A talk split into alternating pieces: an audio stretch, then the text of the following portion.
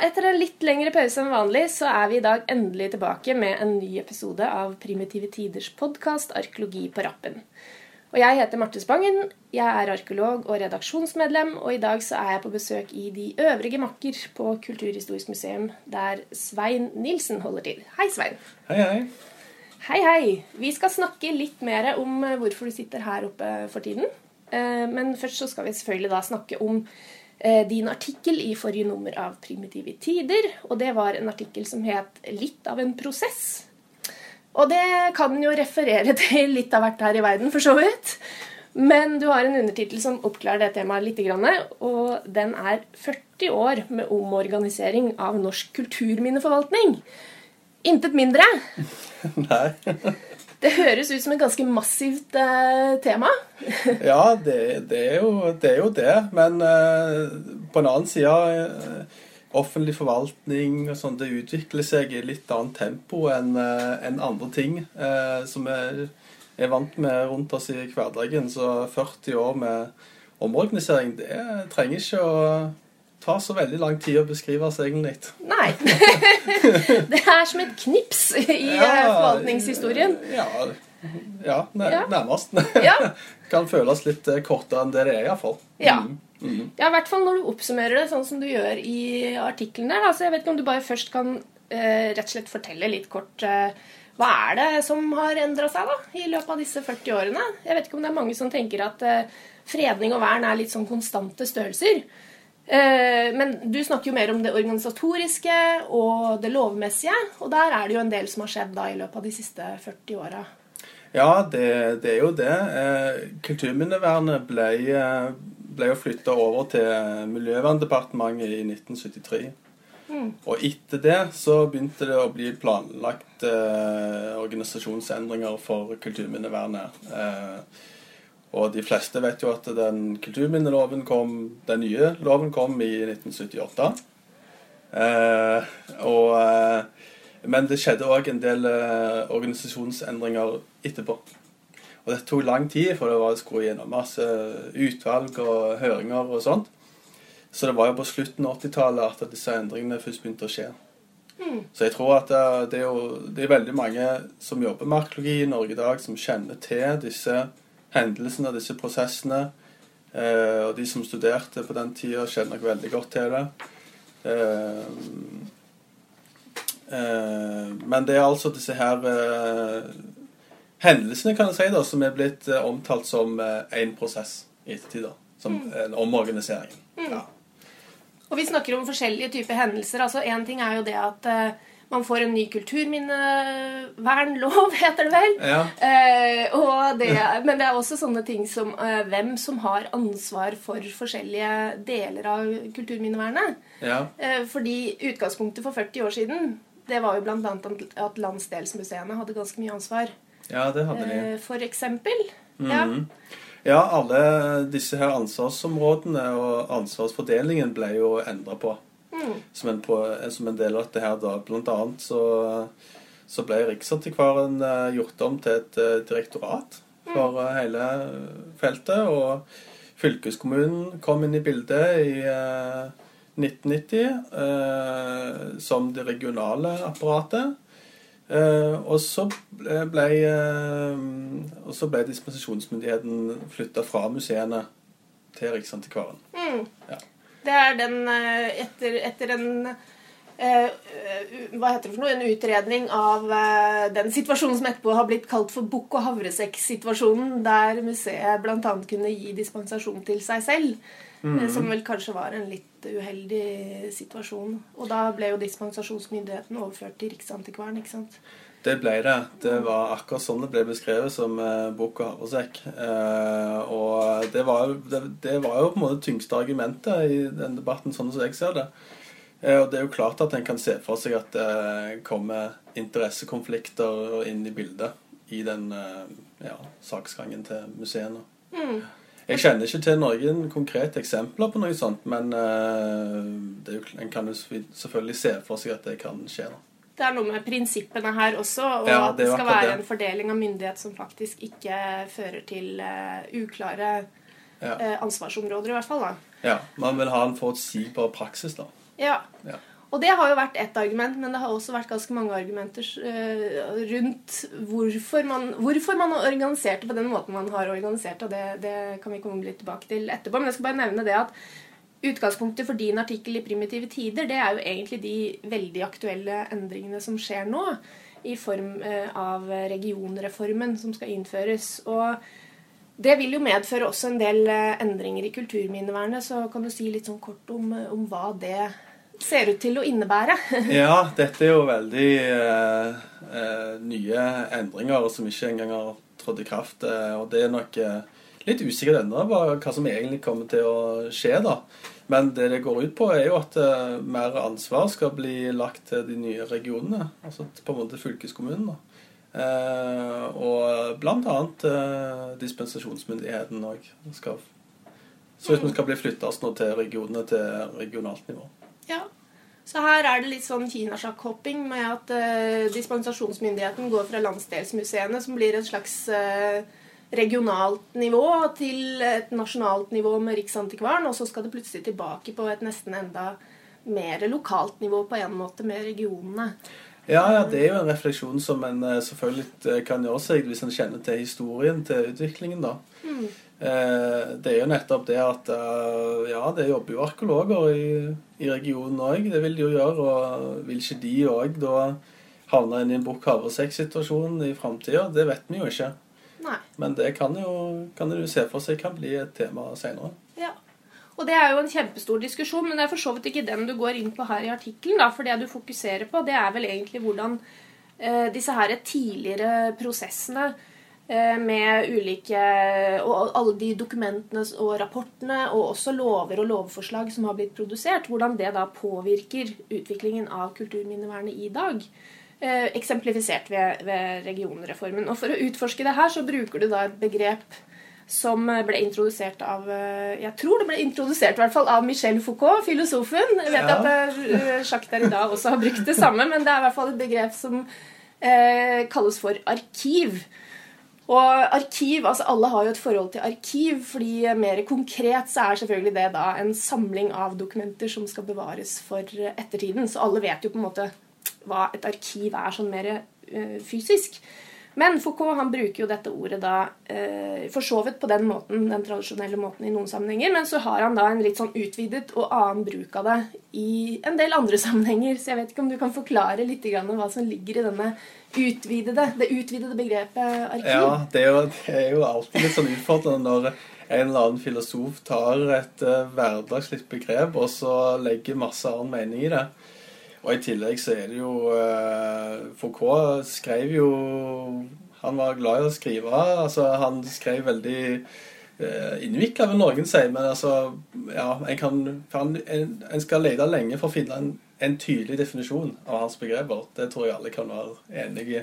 Ja, det kan alle være enig i. Eh, Men eh, det som var noe av eh, Sånn som jeg leser da, poenget med dette her, eh, denne meningen med begrepet arkiv, det er det at eh, Et av poengene til Foucault var at det finnes eh, forutsetninger for hva vi kan si i dag om ting. Hva vi kan vite, egentlig. Ja, hva eller hva vi vi, tror vite. vi kan vite. Ja, ja. Så eh, Foucault var, var eh, veldig inspirert av, egentlig av filosofien til Immanuel Kant.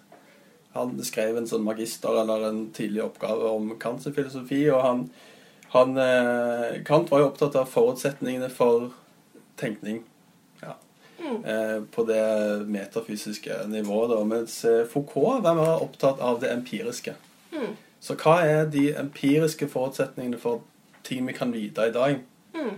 Eh, og det er litt den retningen han eh, tar når han, når han tilnærmer seg arkivet, kan du si. da. Mm. Som at dette her er en samling med utsagn eh, som er veldig bestemmende på hvordan vi ser på ting i dag. Mm. Ja. Og det er jo liksom eh, både det som da har blitt tatt til følge sånn som det ble sagt i fortiden, hadde nær sagt, men også hvordan ting kan styres, på en måte. Altså, det er jo noe med at noen former dette arkivet. Ja, ja, absolutt. Eh, ja. Mm. Han er jo veldig opptatt av det her kombinasjonen, eller dette begrepet makt-kunnskap. Altså, eller kunnskap-makt er det kanskje det blir. I alle tilfeller. Altså kombinasjonen av at det med kunnskap og det å forme kunnskap er jo også en maktfaktor. Så de eh, som da har eh, myndighet til å forme dette arkivet, da, som blir bakgrunnen for hva vi vet i dag, det eh, er jo også en form for maktutøvelse. Ja, det er det. Hvis du har kontroll over et, et eget arkiv, så er, ligger det en makt i det. Og en kan jo selvfølgelig eh, se på disse statsdokumentene, stortingsmeldinger og sånn, som et, eh, som et slags eh, ekspertsystem da, for mm. produksjon av eh, politisk kunnskap, f.eks. Mm. Og det er jo det, er jo det ja, Foucault, men også Bruno Latour, har jo sammenligna de ulike kunnskapssystemene. ikke sant? At du kan, du kan egentlig sette På et visst nivå så kan du sette de vitenskapelige kunnskapssystemene på lik linje med det politiske mm. og andre. For det dreier seg om at en konstruerer At en har et et, et, ja, et fysisk eh, arkiv, da, og, men òg et system for å lage sin egen kunnskap. Mm. Ja. Så det her er det jo Det ligger jo en teknikk i det å lage stortingsmeldinger. Og mm. lage, sette sammen utredninger, utvalg og sånn som det. Eh, som en eh, kanskje ofte ikke tenker så mye over. Men det ligger jo veldig mye ekspertise i det. Mm. Mm. Og det er vel det som er litt av poenget, at man finner jo ikke opp i hjulet hver gang. Man tar utgangspunkt i det som allerede fins der, som du sier, av både kunnskap og hvordan ting skal gjøres. Altså at det fins et sånn sosialt element i dette her. At man har en Eh, bestemt måte å gjøre ting på. Ja. Eh, og den er ikke så lett å endre. Som sagt, Man finner ikke opp hjulet hver gang. Og man uh, lager ikke bare stortingsmeldinger på plutselig en helt ny måte. Mm. Men det som er litt interessant, det er jo at man bygger jo på det man har av tidligere kunnskap. Men som sagt så ser jo du da, når du ser nærmere på dette her, at det er en del ting som også forandres eller utelukkes eller eh, tilpasses det man egentlig ønsker å oppnå, da. Eh, med enhver sånn eh, utredning eller eh, hva det måtte være for noe. Eh, så har jeg skrevet eh, et spørsmål her som jeg hadde helt glemt. Altså, du skal ha Når du har tidligere utsagn om kulturminnevernet, hva er liksom din konklusjon? Hva er det som er, hva er, det som er Eh, hvordan virker dette her arkivet, da? Eh, hvordan fungerer det i forhold til hvordan kulturminnevernet har utviklet seg eh, i løpet av de siste 40 årene, og nå i forhold til regionreformen? det har Ja, skal vi se Det, det, det, jo, det som er fascinerende, er at det Sånn som jeg sa tidligere her, at det dette systemet med, med, å utforme politikk, endre institusjoner, det tar så lang tid. Mm. Eh, og du ser at i disse forskjellige utvalgene så sitter jo for hvert femte og tiår så er det selvfølgelig helt naturlig at medlemmene av komiteene de, de, er jo ikke med i hele prosessen. Mm. De som var med for 40 år siden, det er ikke de samme som var med for 20. Og, ikke sant? Mm. Så det er en, en underliggende prosess her som som ser ut som den lever sitt eget liv. Og det finnes aktører som hele tiden støtter den og jobber videre med den. Men det finnes også visse som forsvinner etter hvert. Og det, det, det var det som var, synes jeg var noe av det mest fascinerende med å lese alle disse dokumentene, er nettopp å kunne se hvordan det er visse aktører som er veldig tydelige og sterke. Mm. Eh, og at de dukker opp igjen her og der på tid til annen. Og så velger de ofte. ikke sant? Hva er det fra fortida vi vil ha med videre? Mm. Hvilke dører skal vi lukke? Ja. Kan du dra fram noen eh, eksempler på ting som, eh, der man ser tydelig at noen på en måte har kurert dette ja, tidligere Det var jo i eh, et av de eh, dokumentene som, som er veldig sentrale i denne prosessen, er den første handlingsplanen til Kulturminnevernet fra ja, 1992. Eh, den har jo blitt fortalt av eh, arkeologer som er litt eldre enn meg, ble kalt for uh, svarteboka eller uh, et eller annet sånt. Det var liksom veldig stygt uh, når ja. den kom ut. da. Uh, den var visst ikke populær blant, blant alle. Men der var jo eh, Der har du kapittelet helt på slutten. Det nevner jeg i artikkelen. Kapittelet på slutten av denne eh, handlingsplanen, hvor de presenterer den historiske utviklingen av kulturminnevernet. Mm. Og der kommer det jo fram at de har valgt å fokusere på det, og de har valgt å se vekk fra disse delene. Og, eh, og det er jo da visse utsagn fra utredninger som på den tida var ti år gamle, som, som blir trukket fram som veldig viktige. ikke sant? Mm. Mm. Så en kan ikke lese jeg kan ikke lese et sånt dokument som om det var en sånn historiebok. Nei, nemlig. nemlig. Gjengivelsen av det nei, som har vært tidligere, er ganske selektiv, rett og slett. Ja, absolutt. Ja, ja. Men det må vi bare forvente. Det, det er ingen som har sagt at de eh, driver med objektiv vitenskap. Sant? Nei, for hva er det de egentlig driver med? ja, okay. Det er markerer er det egentlig gjør. De lager politikk. Ikke sant? Hva må til for å lage det? Ja, ja nemlig. Og da bruker man jo historien selektivt. Altså, det er jo på en måte ikke noe nyhet i noen politisk Neida. sammenheng. Nei da, det har de gjort. Ja. Mm. Men veldig interessant at du dokumenterer det så detaljert, da. Og også får fram en del av disse altså, eksemplene der man ser veldig tydelig Altså, jeg skal ikke Altså, de som er veldig interesserte, kan jo gå inn og lese artikkelen, så får de lese alle disse spennende eksemplene også. Men jeg merket meg jo bl.a. noen sånne gjengivelser av prosenttall som etter hvert ble litt sånn kreative når du kommer litt lenger ut i, i løpet, da. Så det var jo litt interessant, må jeg si. Veldig spennende. Og så kommer du vel fram til altså Når det gjelder akkurat regionreformen, ser du den da som en videreføring av hele denne prosessen, eller hva tenker du rundt det? Altså, ja, altså Tematikken er jo, kan du si, er jo Finnes en rød tråd. Det gjør det jo. Ja. Men vi ser jo på Du kan jo se på de referansene, måten de bygger opp sin case i dag så, eh, så, virker det som den ikke trekker inn eh, så veldig mye av de dokumentene som har vært eh, aktuelle tidligere. Nei. Men det er jo helt klart at eh, eh, temaene her som eh, blir tatt med videre i regionreformen, det jo det går lenger tilbake i tid. Ja. Mm. Så det er evig aktuelle temaer, men nå har de faktisk liksom løsrevet seg litt fra det her arkivet som uh, har uh, vært forutsetning for tidligere utredninger. Ja, ja, du kan egentlig si det. Mm. Mm, mm. ja. Veldig interessant uh, og veldig dagsaktuelt. Og det er jo veldig mange der ute som jobber med, eller i hvert fall blir berørt av dette her og av regionreformen. Og som sagt, er man interessert, så skal man selvfølgelig lese artikkelen din. Og den regner jeg med at uh, finnes tilgjengelig på nettet? Ja, det gjør den. Den ligger på den uh, ute på denne nettsida som alle bruker nå, akademia.edu.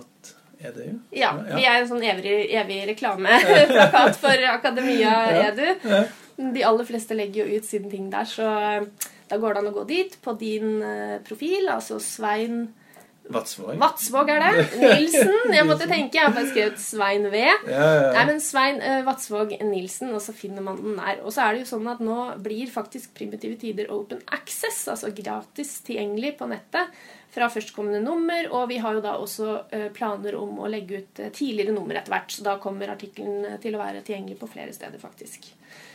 Nå er det sånn, altså Vi sitter her i øverste etasje som sagt, på Kulturhistorisk museum. og eh, Du kan jo kanskje fortelle litt om eh, hva du driver med nå for tiden, og hvorfor du sitter her? Jo, Nå jobber jeg som eh, stipendiat her på mm. museet. Det er veldig, veldig artig, veldig spennende. Jeg jobber jo med steinalder. Mm. Med neolitikum. Noe ganske annet, egentlig? Ja, det er helt annet. Men ja. uh, man kan lære alt uh, her i livet. Ja. Bra å variere litt. Grann. Ja. Hva er det det flest forskning du holder på innenfor neolitikum? Eh, du, akkurat nå så jobber jeg med spørsmål knytta til demografi. Mm. Ja, og eh, befolkningsstørrelser og endringer og den type ting. Ja. Veldig mm. spennende. Og jeg vet at du har eh, publisert en annen interessant artikkel om det sammen med flere kolleger her på huset. Så da har man flere grunner til å følge med på denne berømmelige akademia-siden. oh, ja. så, så, håper vi så klart at du kommer tilbake da, og publiserer flere artikler i Primitive tider også. Eh, om det nå blir om det ene eller det andre temaet. Og så blir det veldig spennende da, å se hvordan denne her regionreformen eh, preger kulturminnevernet framover. Eh, om den da etter hvert også føyer seg inn i dette arkivet for videre utvikling. Men enn så lenge så får du ha takk for praten. Ja, takk skal du ha for at du kom her. Ja. Og så skal jeg bare si at jeg kommer tilbake med én siste episode av podkasten Arkeologi på rappen før nyttår, eh, som er basert på Primitive Tiders utgave nummer 19. Men nettopp i disse dager så sendes det da ut en ny utgave av Primitive Tider, som er nummer 20. Og det betyr selvfølgelig også en ny sesong med podkasten, med nye temaer eh, over nyttår. Så følg med på Facebook eller på vår konto på Soundcloud eller som abonnent via din podkast-app, så er du helt sikker på å få beskjed med en gang det kommer en ny episode. Takk for nå.